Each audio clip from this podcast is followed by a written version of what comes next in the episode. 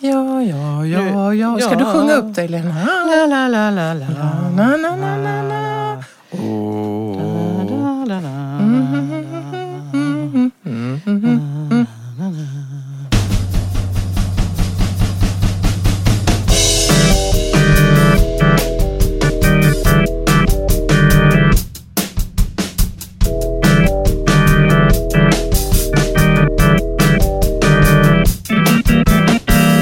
Hej Annika, Hej, Lena. hur är det med dig? Jo, tack. Lite förkylt. Jag också. Du, Ja, även vi, du. vi är lite förkylda. Men det är ju en liten sån tid nu, eller hur? Oxveckorna kallas ju detta. Där vi sliter och släpar och Ja. ligger i grimman fram till påsk. Ja, idag ska vi tillbaka lite till eh, ungdomstiden som vi har pratat om innan. Och eh, jag kommer att tänka på Karin Boyes ganska utslitna rader med de här Ja visst gör det ont när knoppar brista. Varför skulle annars våren tveka? Alltså, ja visst gör det ont att växa till vuxenliv så att säga och det är därför många ungdomar tvekar. Men när jag tittade på den dikten så tyckte jag att de andra raderna var ännu mer eh, intressanta utifrån ja. det vi ska prata om idag. Och då, sen fortsätter hon ju då. Varför skulle all vår heta längtan bindas i det frusna bitterbleka? Och det är ju det vi ska prata lite om idag. Det är ju det här eh, när det fryser till is så att säga. När ungdomstiden stannar av, när utvecklingen stannar av. Det som vi kallar för sammanbrott i utvecklingen. Och vi pratade ju förra avsnittet om att vi var lite emot det här att man diagnostiserade ungdomar eftersom de är så stadda utveckling. Att vi istället skulle benämna alla deras svårigheter och, och psykiska problem som att det har skett ett sammanbrott i deras normala utveckling. Och eh, det kan man också kalla för deadlock, dödläge, eller en del pratar om moratorium, att det liksom blir en tillfälligt avstannande. Och att när ungdomar kommer till psykoterapi så är det mycket det vi kanske ska prata om. Ja. Eh, eller hjälpa dem. Vi ska hjälpa dem att sätta utvecklingen i rörelse. Men om vi går tillbaka till Karin Boye då så tänkte jag på det också nu att hon var väl tonåring någon gång på 20-talet, 1920-talet. Och nu har vi 2020-talet. Och jag vet inte så mycket om henne, och, men jag vet att hon tog livet av sig när hon var 40 någonting. Och eh, hon var ju lesbisk eller bisexuell. Och, eh, man kan ju tänka att på 20-talet så var det ju så att då släpptes det ju lös lite grann eh, värderingar kring kvinnan framförallt. Man ser kvinnor som röker och sexualiteten fick blomma mer. Och sen kom ju då 30-talet som tryckte tillbaka kvinnan. Eh, när Hitler och Mussolini... Förkrigstiden och Ja, depressionen. eh, och nu är vi också på 20-talet och man kan bara tänka här, ja, ibland har man ju lite onda aningar idag och vi vet ju det att fascistiska strömningar kommer ju alltid att trycka tillbaka kvinnan. Både som sexuell varelse och som social varelse kan man säga. Tillbaka till spisen helt enkelt. Eller behaga mannen. Eh, Men eh, vi ska prata lite då om sammanbrotten, hur de kan se ut faktiskt Ja, det ska vi. gå in lite i vad det kan ta sig för uttryck. Och en sak jag tänkte på också det var ju det att eh, ungdomar, eller framförallt tonåringar som är 13, 14, 15 år, de eh, kan ju ofta inte tala om hur de känner sig. Så vi måste tolka dem. Så det är det. Och istället för att tala så får de symptom. Annika Koster och Lena Lundqvist är socionomer och legitimerade psykoterapeuter. De är verksamma vid Göteborgs psykoterapiinstitut. De pratar på om psykoanalytiskt tänkande och psykoterapi. Men jag vill följa upp din tron med det här historiska perspektivet lite grann. Ja. För du och jag återkommer ju väldigt ofta till en av våra husteoretiker, Donald W. Winnicott. Ja. Eh, han dog ju 1971. Mm. Men innan dess så hann han ju skriva en hel, en hel del om just barn och ungdomar. Och det var, han skrev en text som jag läste nu inför det här som jag tyckte var intressant. Just hur, alltså ungdomstiden har ju förändrats så. Samhällets... Verkligen. Ja, Mm. att vara ungdom idag är ju någonting helt annat än att vara det på 50-talet. Men jag tyckte det var intressant det här du sa med Karin Boye, för Mm. jag vill återknyta till det lite. Att han, han skrev ju det att efter kriget 46, efter kriget 45, 46 och sen kom ju 50-talet efter det. Men det var ju då vi egentligen såg den första stora riktiga ungdomsgruppen. Mm. Eller hur?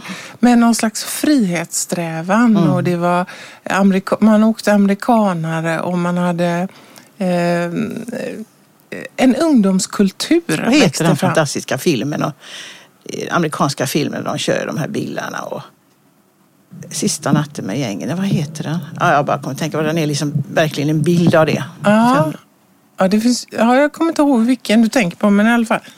Men han skrev ju då efter kriget och han, han var ju så, som teoretiker var han så glad över att han nu såg eh, ungdomskulturen växa fram. Och han skrev att han tyckte att det var ett hälsotecken att de unga nu har förmåga att vara unga vid rätt tid i livet. Det vill säga att ungdomen inföll där den skulle när man var Han ung. tyckte det var många äldre som inte i 50-årsåldern eller senare eller tidigare. För tidigare hade ju varit väldigt starka markörer kring när man var barn eh, och ungdom tills man blev vuxen. Och det gick ju ofta fort med student, med konfirmation, med liksom så. Och helt plötsligt så fanns en tid in emellan. Då på den tiden var det bara konfirmation egentligen. Då var man väl bara 13-14 år va? Ja. Och sen var man vuxen. Ja. Så han skrev det att nej, men nu på 50-talet så tillåter vi de vuxna att, eller att vuxenheten växer fram med naturliga processer. Och det, jag tyckte det var intressant att läsa det. Idag ser vi att ungdomstiden har sträckts ut mer och mer. Oh, ja. Och bara ta en sån sak som bostadsfrågan. Hur ska man bli vuxen om, man inte, om det är svårt att få en bostad? Ja. Hur ska man ha möjlighet att känna sig, liksom, att vara sin Mm. egen om man bor hemma hos mamma och pappa när man kommer upp i 25-årsåldern? Hur ska det vara möjligt? Mm. Nej. Ja, det var lite en historisk. Men jag tänker att det här med självskador och sammanbrott i utveckling, Mm. det har ju funnits i litteraturen sedan lång, lång tid tillbaka. Jag skrev någonstans att, att självskador skrivs först om, eh, fanns även på romartiden. Finns beskrivet i, i texter. Mm. Och La- Moses Laufer pratade vi om förra gången. Eh, Det är inte så mycket skrivet om ungdomsterapi eller ungdomsba- i den här ungdomspsykoterapi är inte mycket skrivet om. Men Mm. Moses Laufer och hans fru Egli, de startade det här Brent Adolescent Center som vi nämnde förra gången. Och de jobbade med psykoanalys då med ungdomar. Och jag gick in och tittade på det idag och han lever ju inte längre men det är fortfarande verksamt och de erbjuder faktiskt psykodynamisk terapi, tidsobestämd terapi för ungdomar individuellt och har även familje och grupparbete. Det var roligt att se faktiskt eh, att det fortfarande arbetar utifrån den andan. Men det var ju han som myntade det här begreppet sammanbrott i utvecklingen i en bok som heter eh, Adolescence and Developmental Breakdown tror jag. Det, det är något bland det enda i vår i min psykoanalys tänka som är skrivet tycker jag. Men, men eh, den är ju bara på engelska tyvärr. Eh, Och eh, det han säger där också förutom det, det är ju att all att under ungdomstiden så är sammanbrottet väldigt kopplat till kroppen. Därför det är kroppen som förändras så oerhört mycket under den här tiden. Och så all psykopatologi och alla psykiska besvär har ju någonting med kroppen och man attackerar ofta sin kropp på olika sätt. Och det är det vi kommer att prata om nu. Eh, anorexi och skära sig och så vidare. Därför att det har med den åldersgruppen att göra. Och det är klart att det var ju samma även på romartiden. Att kroppen förändrades väldigt snabbt. Eh, även om inte man visste att det fanns könshormoner och sånt. Då. Så det är den, och det är ju en, nästan en revolution inom den enskilda människan, denna stora förändring. Och ett stort arbete att införliva det då med sin eh, jagbild så att säga. Och, och Laufer, och det, man skiljer ju på det här, om vi börjar liksom, man skiljer ju på det här med pubertet och adolescens. Och då kan man ju säga så att puberteten är ju när människan blir könsmogen. Alltså när våra kroppar blir könsmogna så att vi kan avla barn. Men adolescensen eh, är ju den utveckling som sker efter där. Ja, och det är ju Eller hela hur? den kulturella ungdomstiden Ja. och den är väldigt lång idag. Både fysiologisk, psykologisk och eh, social. Alltså vad händer med mig under mina ungdomsår? Men han menar ju, precis som du är inne på, att alla sammanbrott vi ser under ungdomsåren har sin grund i hur jag förhåller mig till denna kropp. Mm. Som har blivit könsmogen. Ja. Eller som håller på Ja. att bli könsmogen. Hur, hur kan jag liksom, som ungdom förhålla mig till det? Avvisar jag den kroppen? Vill jag inte veta av det? Eller eh, är det väldigt ambivalent? Eller var är jag? Och för alla ungdomar, in, liksom det vi kallar någon slags normalutveckling eller när det den här tiden är ju aldrig lätt för någon. Nej. Eller hur? Men det vi kommer fokusera på är ju mer när det stannar upp. Ja. Ja, det är det vi ska prata om idag, Ja. när det stannar upp då. Och när, när det liksom blir en, en, en, en hämning i utvecklingen. Så att utvecklingen så att säga, påverkas på något sätt. Eh, Men i, i och med att det är kroppen så handlar det också om sexualitet väldigt mycket. Hur jag kan landa i det och hur jag kan internalisera det med mig själv och så vidare. Jag läste någonstans att det var någon som skrev att, eh, att man går från att vara barn till att föda barn. Jag tycker det var så bra Ja. uttryck. Eh, Alltså, man går från att vara ett barn till att kunna föda barn. Det är en enorm eh, revolution nästan i den inre världen, får vi tänka. Och finns det någon så egentligen genomgripande förändringstid i våra liv som under ungdomsåren? Nej, det skulle vara det första året, levnadsåret, när man växer så mycket. Eh, möjligen. Och, och det är ju det man också tänker. I psykoanalytiskt tänkande har man ju en tanke om den andra individuationen, den andra chansen. Att puberteten är ett sätt att lite reparera det som kanske inte blev så bra första året, spädbarnstiden. Att det finns en koppling mellan spädbarnstid och pubertet. Så att eh, det kommer att falla tillbaka på mig, det som hur jag hade det i början av livet kommer att påverka hur det blir under puberteten, tänker man ju. Samt, sen klart att det är en egen tid också som beror på hur livet ser ut just då. Min fostermors medicinskåp var alltid olåst. Där fanns bot mot allt ont. Hon hade sjukdomar till varje medicin. Barbiturater, nitroglycerin och jag såg inget slut på vårtermin. Så en morgon när fosterfolket åkt till jobbet och jag skolkat staplade jag vackra travar enligt respektive färg. Pyramider, himlaberg, röda, gröna, gula, blå, himlasteg att kliva på, himlataburetter och min fostermors tabletter. Men ett par av varje slag till hennes nästa morgondag svär jag att jag hade spart ett par av varje art. Men det första hon sa när de hälsade på var hur kunde du bara göra så mot min kärlkramp och saltsyrebristen? Han sa bara, ja, det finns egoister. Men så sant som jag lever och de två är döda, jag sparade två blå, två gröna, två röda. Fostermammans medicin av Bodil Malmsten som du säger, att, att gå från att vara ett barn till att fö, kunna föda barn, det innebär ju också att det som har varit legat liksom eh, latent, man kallar ju det för latensåldern innan, alltså både sexualitet och aggressivitet. Det som man bara kunnat fantisera om, det blir en möjlighet Precis. efter Det är väldigt viktigt. Och vad sker med det då? Jag menar till exempel det här att krypa upp hos mamma och pappa och sätta sig i knät och sådär. Kring puberteten så helt plötsligt så får ju det en incestuös laddning. Eller hur? Att, att det är någonting som äger rum i det att nu är min kropp en annan. Och, Och då skulle man också kunna förverkliga de fantasier man har. Det är det som gör Ja. att man blir så rädd och får sån panik. Va? Man skulle kunna leva ut den sexualiteten när man nu är genitalt färdigväxt så att ja, säga. precis. Att skära sig, vad är det man gör då?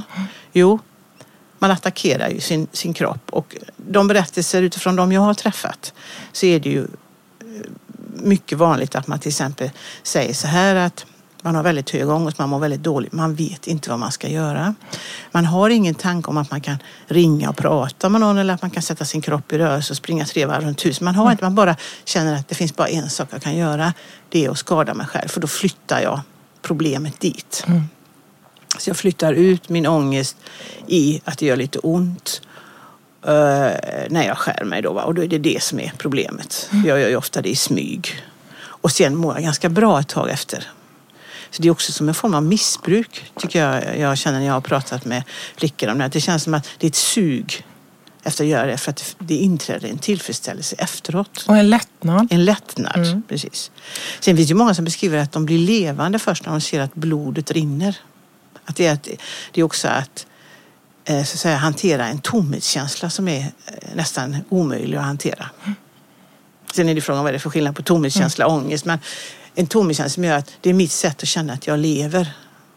Och i någon mån, om man tänker så här, vi pratar ju under ungdomstiden om de här tre uppgifterna under mm. ungdomsåren. Det vill säga att hitta en, en, ett liksom behagligt avstånd till sina föräldrar. Alltså ett, ett, ett avstånd där jag kan vara jag så småningom upp i 18-19 års åldern. Mm. Och att den processen påbörjas. Att hitta, att ersätta i någon mån föräldrarna med mina jämnåriga. Och att sätta bo i min egen sexuella identitet. Att få en bärande liksom, känsla av att det här är jag. Det, mm. det här har jag lust på. Mm. Det här är jag. Men när man då skär sig så kan man också tänka att apropå den första punkten det här med att, att hitta ett liksom avstånd till mina föräldrar där, där liksom man kan separera ut sig så kan man ju tänka att attackera sin kropp är ju i någon mån också att attackera det barn som är en produkt av deras förening. Mm. Och egentligen att attackera dem då? Ja, mm. i någon mån är det ju det. Mm. Och det kan ju vara kopplat till mycket skuld. Jag är inte det barn som de förväntar mm. sig. Jag presterar mm. inte i skolan. Jag är inte... Allt det där va? Och det, det, kan vara både att, att när jag attackerar mig själv så attackerar jag dem därför jag är inte frigjord från dem så att jag hänger ihop med dem. Så det är ja. med automatik attackerar jag mina föräldrar. Mm. Men jag kan också, det kan också vara så att jag ska fan, äga min egen kropp själv. Du har inte med det här att göra. Jag gör vad jag vill med min egen kropp. Det kan också vara den en första frigörelse. Precis, protest. det kan vara ja. både och. Ja. Men Moses skriver ju det här att självskadan på något sätt är den enda aktiva lösningen som mm. ungdomen kan finna. För egentligen så finns det en stor känsla av vanmakt och passivitet inför kroppens förändringar. Alltså att man finner ingen lösning på det, att det blir bra. Utan man söker istället den enda liksom, aktiva lösningen, det är att gå på mig själv. Ja, och det antyder ju också att jag inte har en tanke om att det finns ett tillräckligt gott objekt, Nej. en föräldrafigur eller en annan vuxen som jag kan vända mig till istället och få något bra tillbaka. Det, är ju, det antyder att det finns någon brist, eller att den unge, inte att det finns en brist, men att den unge uppfattar det så. Mm. Jag kan inte vända mig till någon, mm. därför det finns ingen hjälp att få. Jag måste ta hand om det här själv. Mm. Om vi håller oss lite kring föräldrar barn eller föräldrar ungdom där, så är det ju, det är ju inte bara som vi pratade om under ungdomstiden också, det är inte bara ungdomen som ska finna liksom ett separera ut sig från sin förälder och bli sin egen.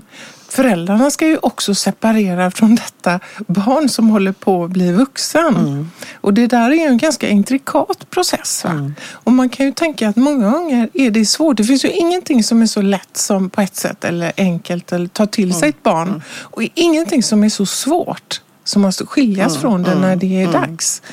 Och, och jag tänker också att där, där i någon mån så, så kan ju barnet eller ungdomarna också känna det alltså starkt att jag skadar min förälder. Mm.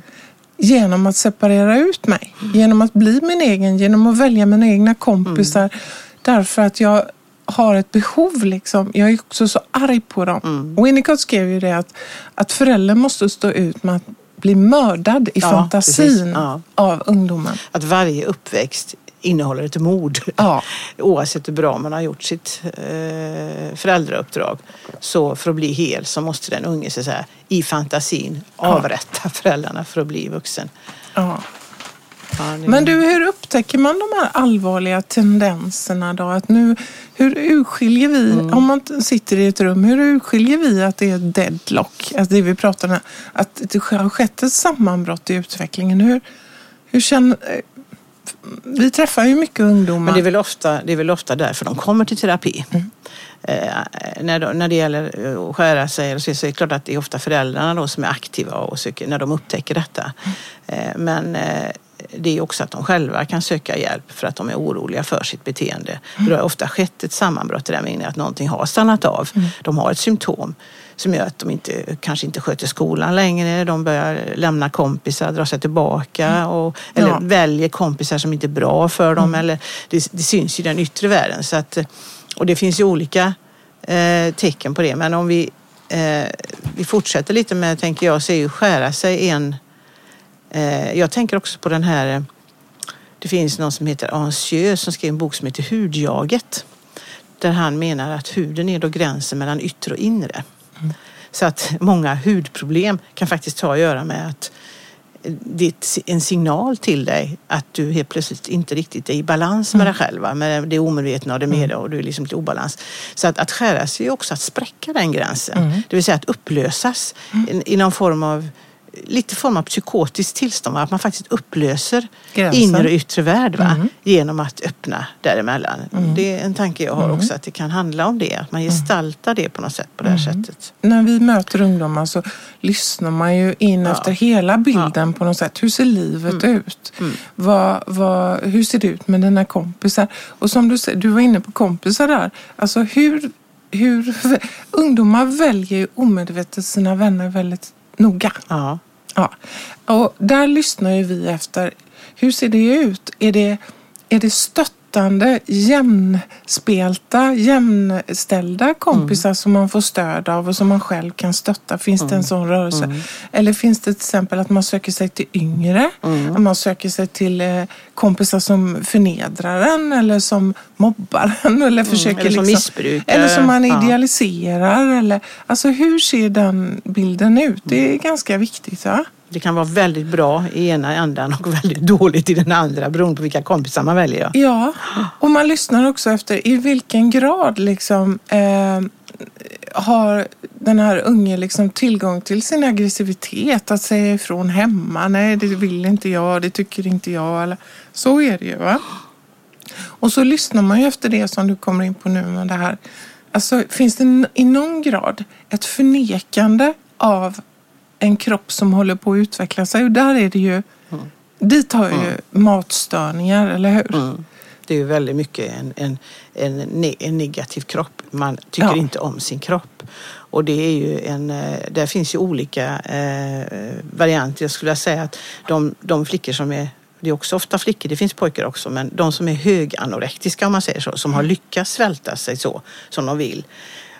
De är ofta, kan du ofta inte jobba med terapi för de måste ju ha behandling på ett annat sätt, ibland läggas in för de blir ju nära döden och de är ju helt har ju ingen insikt om att de har ett problem.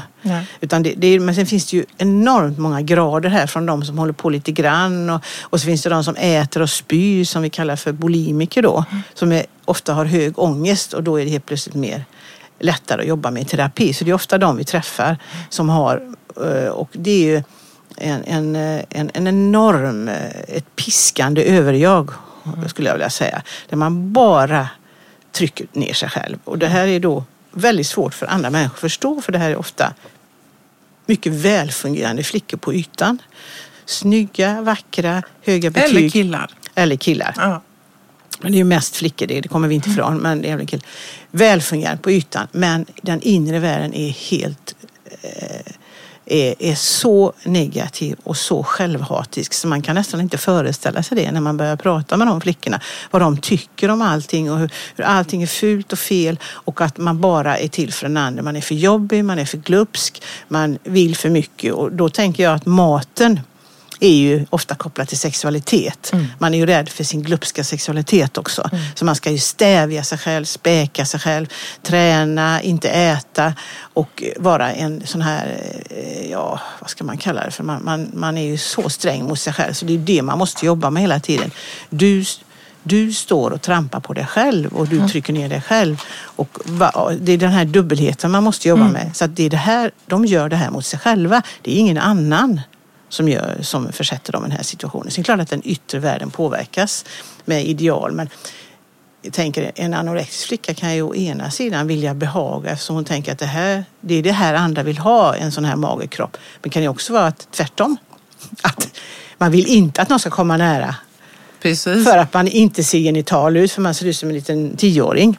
Nu sa jag precis, jag gillar, varför säger jag precis hela tiden? Men jag håller med dig. Alltså, det är ju inte så att den eh, person som lider av eh, anorexi eh, kan man ju säga lider inte av en brist på aptit. Nej, tvärtom. Eller hur? Men har en stark men väldigt förnekad aptit. Mm. Vi brukar kalla det för en inhiberad hunger. Du pratar om glupskhet. Ja, mm. Någonstans där finns det en enorm glupskhet. Och precis, jag håller med dig. Just det här, och det möter vi ju, att man förhåller sig till en idealkropp. Ja. Och eftersom eh, man aldrig någonsin kan nå en idealkropp, det finns ju inte, det är en illusion. Eller hur? Så kommer inte personen att kunna sluta svälta sig. Eller hur? Det är en illusion att nå dit. Och där har vi, vi brukar ju koppla in samhället också i, när, i våra resonemang. Och där är det ju faktiskt så att samhällsbilden liksom, av hur man ska se ut Förstärker också ju det här. förstärker den liksom anorektiska idealkroppen som aldrig någonsin kan bli sann. Och det är liksom själva vitsen med det. Som du säger med självhatet. Jag förhåller mig till något idealt så att jag kan hata mig själv. Ja, och det är en väldig diskrepans då mellan min, hur jag uppfattar mig själv och mitt ideal. Det är en enormt stor skillnad mellan hur jag känner mig själv och mitt jag-ideal som gör att det finns en väldigt stor skam hos de här flickorna. Va? Ja. Väldigt, eh, tycker att de är väldigt dåliga och det är ju en, en enormt svår spiral som måste vändas i psykoterapi. Att man så småningom börjar vända det åt andra hållet och bejaka sig själv så sakteliga. Men det är ett stort arbete för att det är ju en, en, eh, en eh, man har hittat ett sätt att kontrollera livet också. Ja. Eh, Det är väldigt få grejer. Om vi har väldigt stort behov av kontroll, då, då har man ju om man har den här problematiken, då är det, detta ett, ett, ett sätt att räkna kalorier. Man kan lite grann försöka kontrollera det. Det är inte mycket annat man kan kontrollera, Nej. men detta kan jag kontrollera. Därför väljer jag detta. Jag känner att mitt liv springer iväg, min kropp springer iväg, jag hänger inte med, men det här kan jag kontrollera. Så det är en tillfredsställelse eh, på grund av det. Och kontroll är, hör ju liksom till, jag tänker på det här vi började när vi pratade om ungdomsåren så eh, förra gången när vi pratade om ungdomstiden så pratade vi om det här magiska tänkandet. Att via kontroll liksom och inte gå på A-brunnar och, och, och det här som, som också är ett sätt att hålla någonting i schack som inte går att hålla i schack. Och avvärja en na- annalkande katastrof. Och katastrofen är ju att liksom sätta bo i sin sexuellt mogna, aktiva kropp. Alltså att bli, bli stor, alltså få former, utvecklas. Det är den stora skräcken. Och jag tänker då att hur, ibland möter vi som du säger de här ungdomarna också som lever väldigt exemplariskt, som tränar, äter rätt, allt det här och som har de här svårigheterna. Och det kan ju också, Laufer skriver det, att det kan vara ett sätt också att reglera det här. Alltså för att egentligen är ju att inte äta också en attack på föräldrar. Absolut. Eller hur? Mm, Alla mm, föräldrar önskar ju att ens barn ska liksom leva vidare och, och är väldigt, allting handlar ju om mat från början, eller hur? Ammas, äta och så va. Så en attack på det. Titta här, jag, jag, jag skiter i er. Jag tänker svälta mig. Och i det kan det här liksom också exemplariska, vara duktig i skolan, ett sätt att reglera den skuld som ungdomen får för att den håller på att förstöra det barn som föräldrarna en gång har, eller som föräldrarna månar så om. Mm. Jag hade en flicka en gång, hon kom redan i sexan tror jag, och som utvecklade anorexi och gick i många år. Och då sa jag så här till henne en gång, det var ganska roligt. Eh, hon, hon hade enormt, det tillhör de här eh, den här problematiken också, att man har enormt höga prestationskrav. Man ska liksom ha topp i allting. Och eh, eh, när hon satt till slut var det så illa så att de fick bevaka hennes matintag, föräldrarna. De fick nästan liksom, ja, hon fick eh, här näringsdrycker och de fick nästan sitta hemma och se till. De fick sitta och vakta så Som att ett hon åt. spädbarn. Precis, nej men då sa jag så här till henne. Eh, nu försätter du dina föräldrar i en situation som påminner om när du var bebis. Eh, för då var de ju tvungna att kontrollera var fjärde timme eller något, att du fick mat och hur mycket du vägde och så. Och nu försätter du dina föräldrar i exakt samma situation som om du var bebis. För de någonstans att stanna hemma från jobbet för att få det. Och då, eh, tittade hon på mig så här, och så låg hon i mjugg. yes, det kan de ha. Mm. alltså att det var ju en, en, en omedveten mm, handling. Men någonstans så köpte hon direkt det jag sa. Va? Att ja. det är faktiskt så. Ja. De ska ha det. Ja. Jag ska vara bebis igen och de ska sitta där och vakta mm. mig. Så att eh, mm. det finns en väldig koppling där naturligtvis. Jag tänker hoppa ner från Eiffeltornet om du sviker mig. Och jag ska hämnas om jag lämnas ensam utan dig. Mm. Jag hoppar ner från Eiffeltornet om du lurar mig.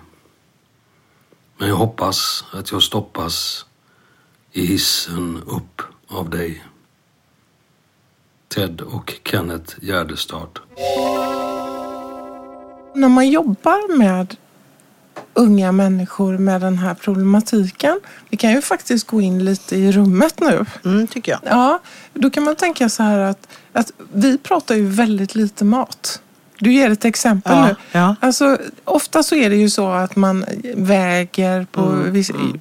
Ja, man väger och, och det, det, är klart, vi har ju liksom en okulär besiktning på något sätt. Mm. Hur illa är det ställt Absolut, här? Va? Och man följer ju det noga.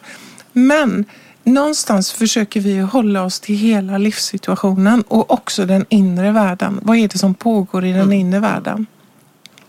Och en, en, vi brukar ju prata om överföring. Vad är det som förs över i ett rum mellan den unge och oss, den unge personen och oss? Och man kan väl tänka när det gäller det här med matsvårigheter och att inte, när vi har en anorektisk kille eller tjej eller hen eller vad vi ska säga då är det ju ofta så att man kan få väldigt starka motorförings Absolut. inre mm. situationer mm. själv. Alltså, det som är oftast att inte ta in mat innebär ju, oh det är också mat. Och ibland kan det ju vara så att man känner också att som terapeut kan man bli lite sömnig ibland. Man känner att det finns kanske inte alltid det där gensvaret från initialt. Att den unge har svårt att ta in vad man säger. Mm. Det vill säga ta in den mat som erbjuds ja, i precis, rummet. Precis. Ibland kan man känna sig hungrig när man kommer ut från ett sånt. Man känner sig själv lite svältfödd. Mm. Mm. Eller, eller tvärtom som du sa eh, häromdagen. Ja.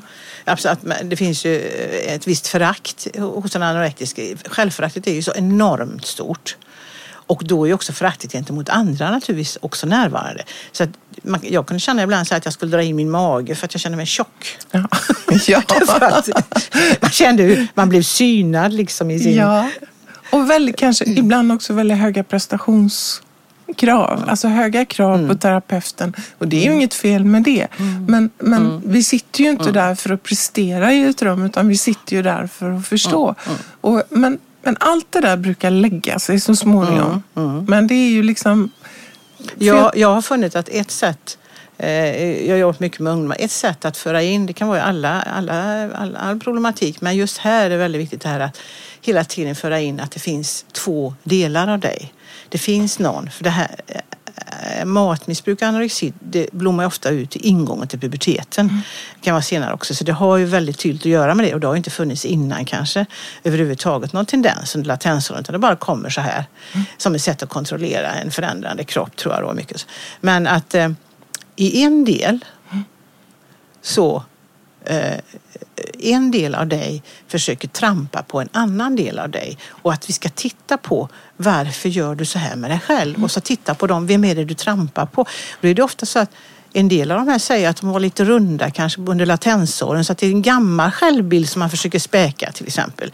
Men en del av dig vill göra någonting med en annan del och det köper ungdomarna väldigt snabbt det här dubbla. Man kan tänka sig att men jag, man är ingen enhet, man är väldigt kluven och det är ett väldigt bra sätt att jobba med det tycker jag. För då jobbar man med det som det verkligen handlar om. Vad är det jag gör med mig själv? Mm. Så att, ja. Eh, och jag menar, i, i, om man drar det ända längst ut så innebär det faktiskt risk för att man dör mm. om man svälter sig mm. tillräckligt. Mm. Och det är ju precis som du säger, då har man två delar av en ungdom där en del vill ta död på den andra ja, Det är väldigt bra. En vill leva, ja. den vill äta. Ja. Ska man leva måste man äta. Ja. Den andra vill dö. Så, så illa är det ju. Det är en allvarlig problematik när den är som värst. Och detta återkommer jag menar, även i med ungdomar som gör självmordsförsök och som uttrycker självmordstankar och så. Va?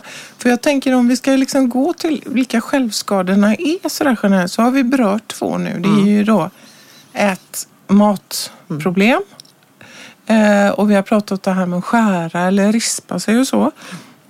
Men generellt sett så här, att utsätta sig för mycket risker är ju också, mm. kan ju också vara en tecken på ett sammanbrott. Va? Missbruk, mm.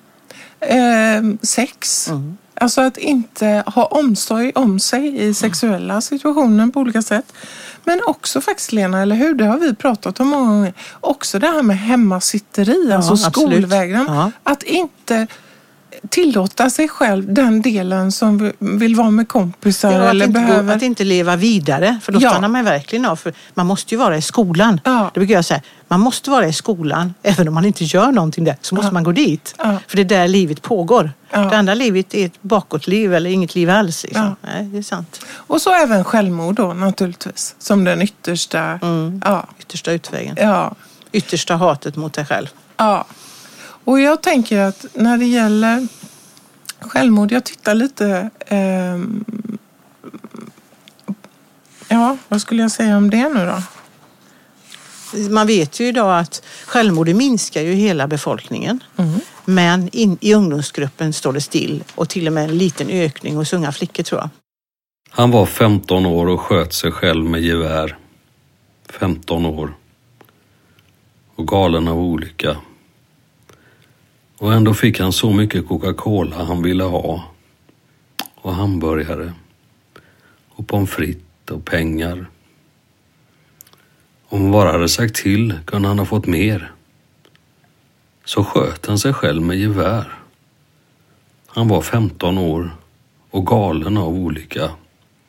Text av Rangvej Axeli på något sätt så är det ju så att självmordsförsök eller självmordstankar, inte självmordstankar men självmordsförsök representerar alltid någon slags, av en, i alla fall en temporär förlust av realitet, av verklighet. Mm. Eller hur? Där jag vill, apropå det här vi pratade om innan, det var det, dit jag ville komma, att man vill ta död på en del av sig själv. Det. Och det är den delen som känner smärta, som mår dåligt. Alltså man vill ha lugn och ro Ofta är det ju sådana liksom, mm. tankar. Jag orkar mm. inte med det här längre. Nej. Jag orkar inte vara i det här längre. Det finns alltså en längtan efter det där liksom, utslocknandet när man äntligen får lugn. Och det utlöses ju ofta av någon händelse i livet. Ofta är det så när ungdomar kommer till oss att det har hänt någonting. Ett plötsligt misslyckande, separation från en, mm. en, en eh, partner eller alltså mm. en förälskelse. Någonting har hänt i det. Det kan ju också vara misslyckande i skolan. Mm. Eller hur? Någonting, en förlust av något slag. Mm. Som utlöser liksom de här tankarna som börjar liksom röra sig. Va? Och, och så finner ungdomen som vi pratar om. För självmordsförsöket är ju som, vi tidigare, som jag sa tidigare, är ju det enda sättet att hitta en aktiv väg. Mm, mm. Det ter sig som den enda möjligheten mm, att komma mm, ur. Mm.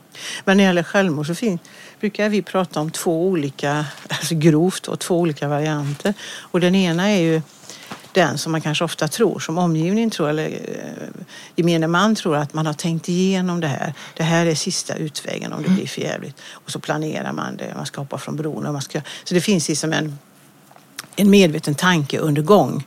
Och sen så bestämmer man mig för då, för att mm. göra det. Eh, och, men så finns ju det andra självmordet som i det här att jag vill Impuls. inte dö, jag vill bara inte leva. Mm. Alltså att jag gör en impulshandling. Mm. Och det har ju att göra med, det kan vara att jag slänger mig ut framför en spårvagn. Mm. Eller jag, jag, jag gör någon hastig, eh, därför att jag har en sån hög ångest så att jag måste göra någonting med min kropp. Jag måste sätta mig i rörelse på något sätt för att få en lindring. Och de självmorden är ju väldigt svåra att förutse och de är ju inte de är ju inte, den personen vill ju egentligen inte dö. Mm. Utan det är bara ett sätt att lösa ett annat tillstånd som man finner värre. Ja, lite grann som du mm. sa, att det finns, jag måste lösa detta på något sätt. Jag står mm. inte ut. Va? Mm. Mycket, mycket hög ångest. Eh, Och kanske under rus också? Ja, under berusning. Ja, ja precis. Mm. Mm. Det är också väldigt farligt ihop med mm. droger naturligtvis. Mm.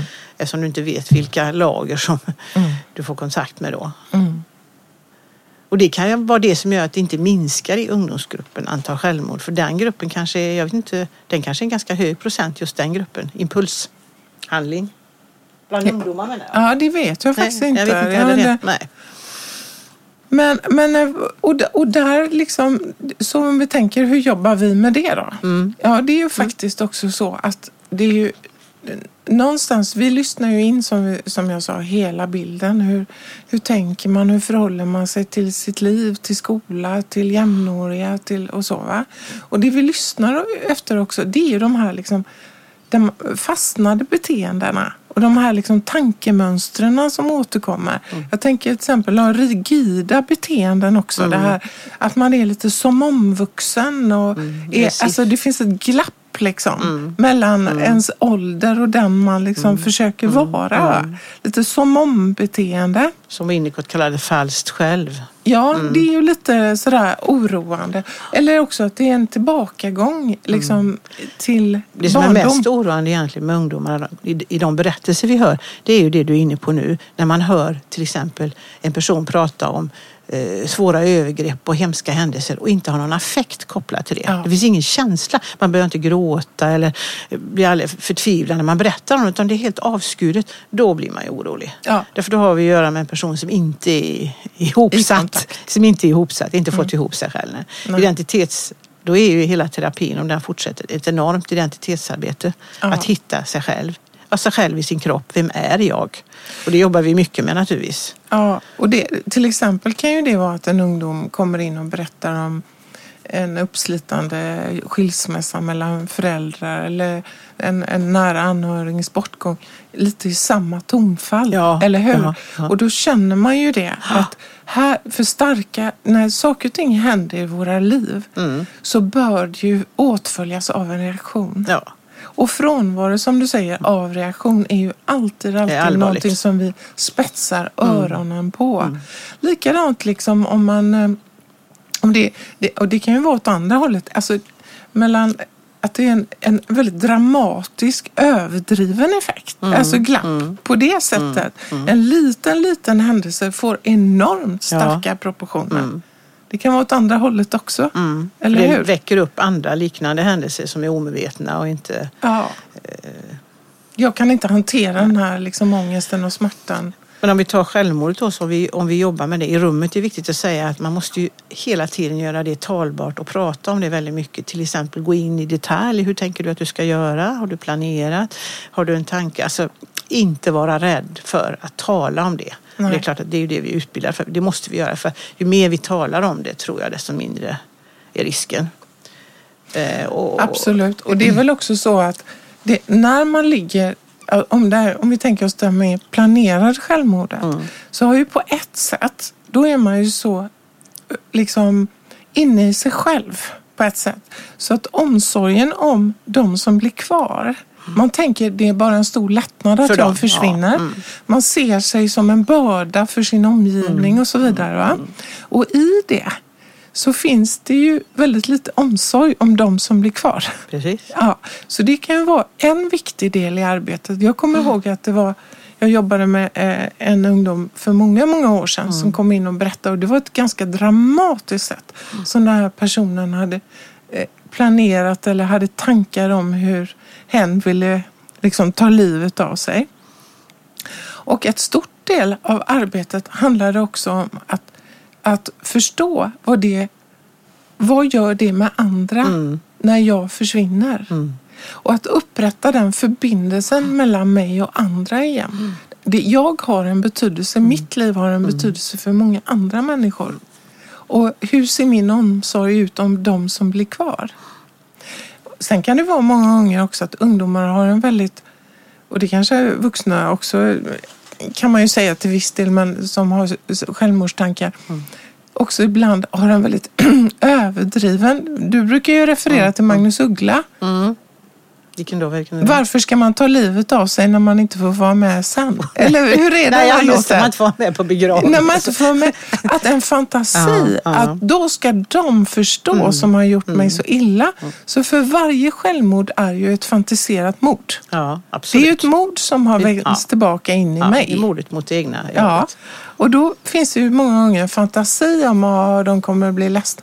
Och där är det ju faktiskt så, apropå att jobba i terapi, att ibland behöver man ju prata om att, att de flesta människor, trots att det värsta händer, att en nära anhörig och en ungdom tar livet av sig, att människor går vidare med sina liv efter ett tag, därför man är tvungen. Ja. Och många gånger kanske man inte har räknat med det. Att ungdomar med självmordstankar har inte räknat med det. Nej, nej. Precis. Vi har ju det här också, vi pratade om hemmasittare, eh, depression. Mm. Alltså, eh, hela ungdomstiden är ju en till och från depressiv period. Det är ju liksom en rörelse mellan, så att säga, ofta mellan mörker och En ljus. sorgeperiod. Sorgeperiod, ja. Och det är en upp och ner. En bipolär period Mm. eller en borderline-period som många säger för att använda diagnoser. Då. Att det är upp och ner Mm. hela tiden. Och, eh, men det är ju det här som vi, du nämnde nu med hemmasittare. Att de som retirerar kanske då, vi kan säga från kompisar, från skolan. Från, det är ju allvarligt eh, om man blir sittande hemma eh, med, som någon sa, med Coca-Cola-flaskan och datorn, det är som en kuvös liksom. Man är tillbaka i livmodern med Ja, sugrör på Ja. Coca-Cola-flaskan. Där väggarna i rummet är ja. som en, en livmodersvägg. Ja, precis. precis. Eh, Att, eh, eh, Eh, det är också en, det, det, det, är också en grupp och den är ju lite sorglig för att det är inte alltid de kommer till terapi. De kommer till terapi också, det är, det, men det är ju inte så att de är så aktivt söker hjälp själva som de här utagerande ungdomarna gör utan de, de blir ju sittande hemma och det kan ju vara en enorm förstörelse för hela deras utveckling om de inte kommer tillbaka till skolan och till kompisar.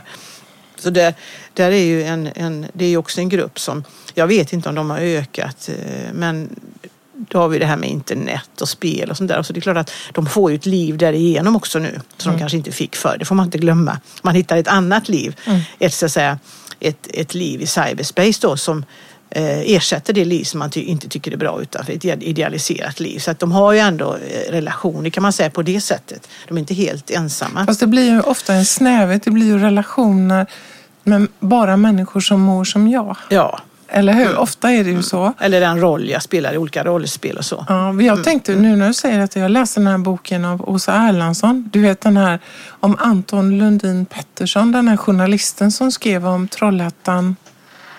Den här killen som gick Han- in på en skola i Trollhättan. Krona, ja. Ja, Han levde ju precis ett sånt liv som du beskriver nu. Ja. Han satt hemma, han hittade liksom sånt som stämde med hans egen övertygelse. Han isolerade sig mer och mer.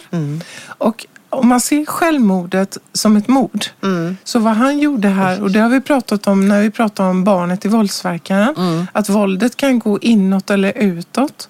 Och i hans fall, så småningom så bestämde han sig för att hämnas på världen. Ja. Det vill säga vända våldet ut. Och, eh, och då ville han ju själv dö. Mm. Det är Ja, ju det, suicide Ja. by cop. Det vill säga, jag vill Mm. bli skjuten. Han hade planerat att han skulle inte leva efter det. Nej. Och precis hade han levt en sån tillvaro som blev mer och mer och mer innesluten. Och de ungdomarna ska man vara, de ska man ta hand om. Ja, ja. Ja. De ska sökas upp på något sätt mer Ja. än de gör idag. Ja. Jag tänker ju Breivik var ju samma sak. Ja. Bering Breivik. Han försökte ju med Fremskrittspartiet och olika saker men till slut blev han sittande också. Hemma i mammas lägenhet i sitt rum med datorn. Så att eh, det finns ju paralleller mellan de här. Om man vill se. Jag tänker så här, alltså, det vi pratar om nu, vi har pratat om självskador, vi har pratat om ätstörningar, vi har pratat om eh, skära sig, vi har pratat om självmord och så. Ja, tiden går, men jag skulle, alltså, är det inte så Lena egentligen att vi, bör, vi skulle säga någonting mer i det här vårt sätt att tänka kring sammanbrott i utveckling så är vi ju oroliga för att man medikaliserar ungdomsåren. För vi tänker ju att i de här symptomen som de kommer med så finns det saker och ting att förstå. Som i viss mån kanske kommer också från, från det du börjar prata om från, från barndomen. Som kommer som en möjlighet att förstå någonting. Och vad händer när vi medikaliserar det? När vi behandlar det med antidepressiva, de här symptomen. Och det, det, det vi säger då det är ju att du kan inte själv lösa det Nej. här. Du måste ta hjälp utifrån. Medan vi förmedlar att vi kan försöka förstå det här i rummet tillsammans. Vi vet ingenting nu, men vi kan utforska det tillsammans. Och jag tror att det går att förstå varför du mår som du mår. Ja. Och det är ju det hoppet vi ger. Och det gör ju att vi har ungdomar som kommer och vill ha hjälp. Och många söker ju det. Det finns ju forskning på det. Många vill ju ha samtal i första hand. Ja. Så att det är ju det som måste erbjudas mer. Ja, och det är ju också så att om man ser det som sammanbrott i en utveckling så kan ju utvecklingen ta fart igen. Precis. När det Ja. blir, eller hur? Och vad händer om man börjar liksom be- behandla som ett patologiskt tillstånd? Och jag såg faktiskt en, en undersökning på pojkar som hade medicinerats med 10 till, mellan 10 och 17 år. Tio år senare följde man upp de pojkarna. 68 procent av de pojkarna, eller som nu var unga män, åt fortfarande Ja, ja. medicin.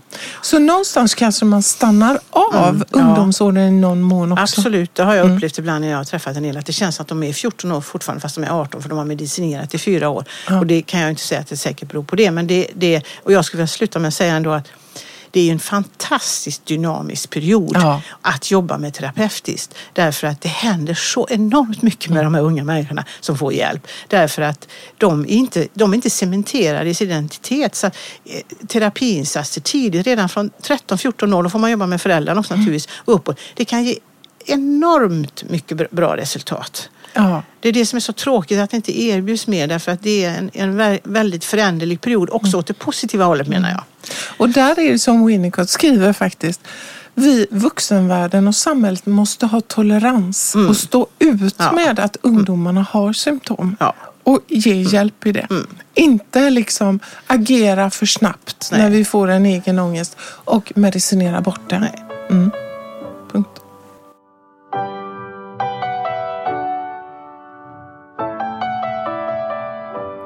Hur känns handen mot en kind? Får man inte ont när man nuddar någons skinn? Hur känns kroppen i en kram?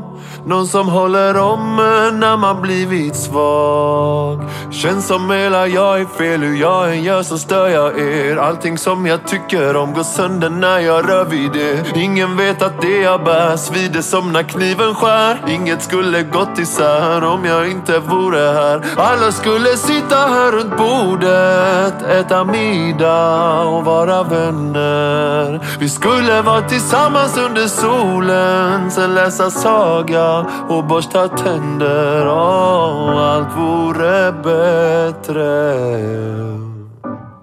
om inte jag fanns.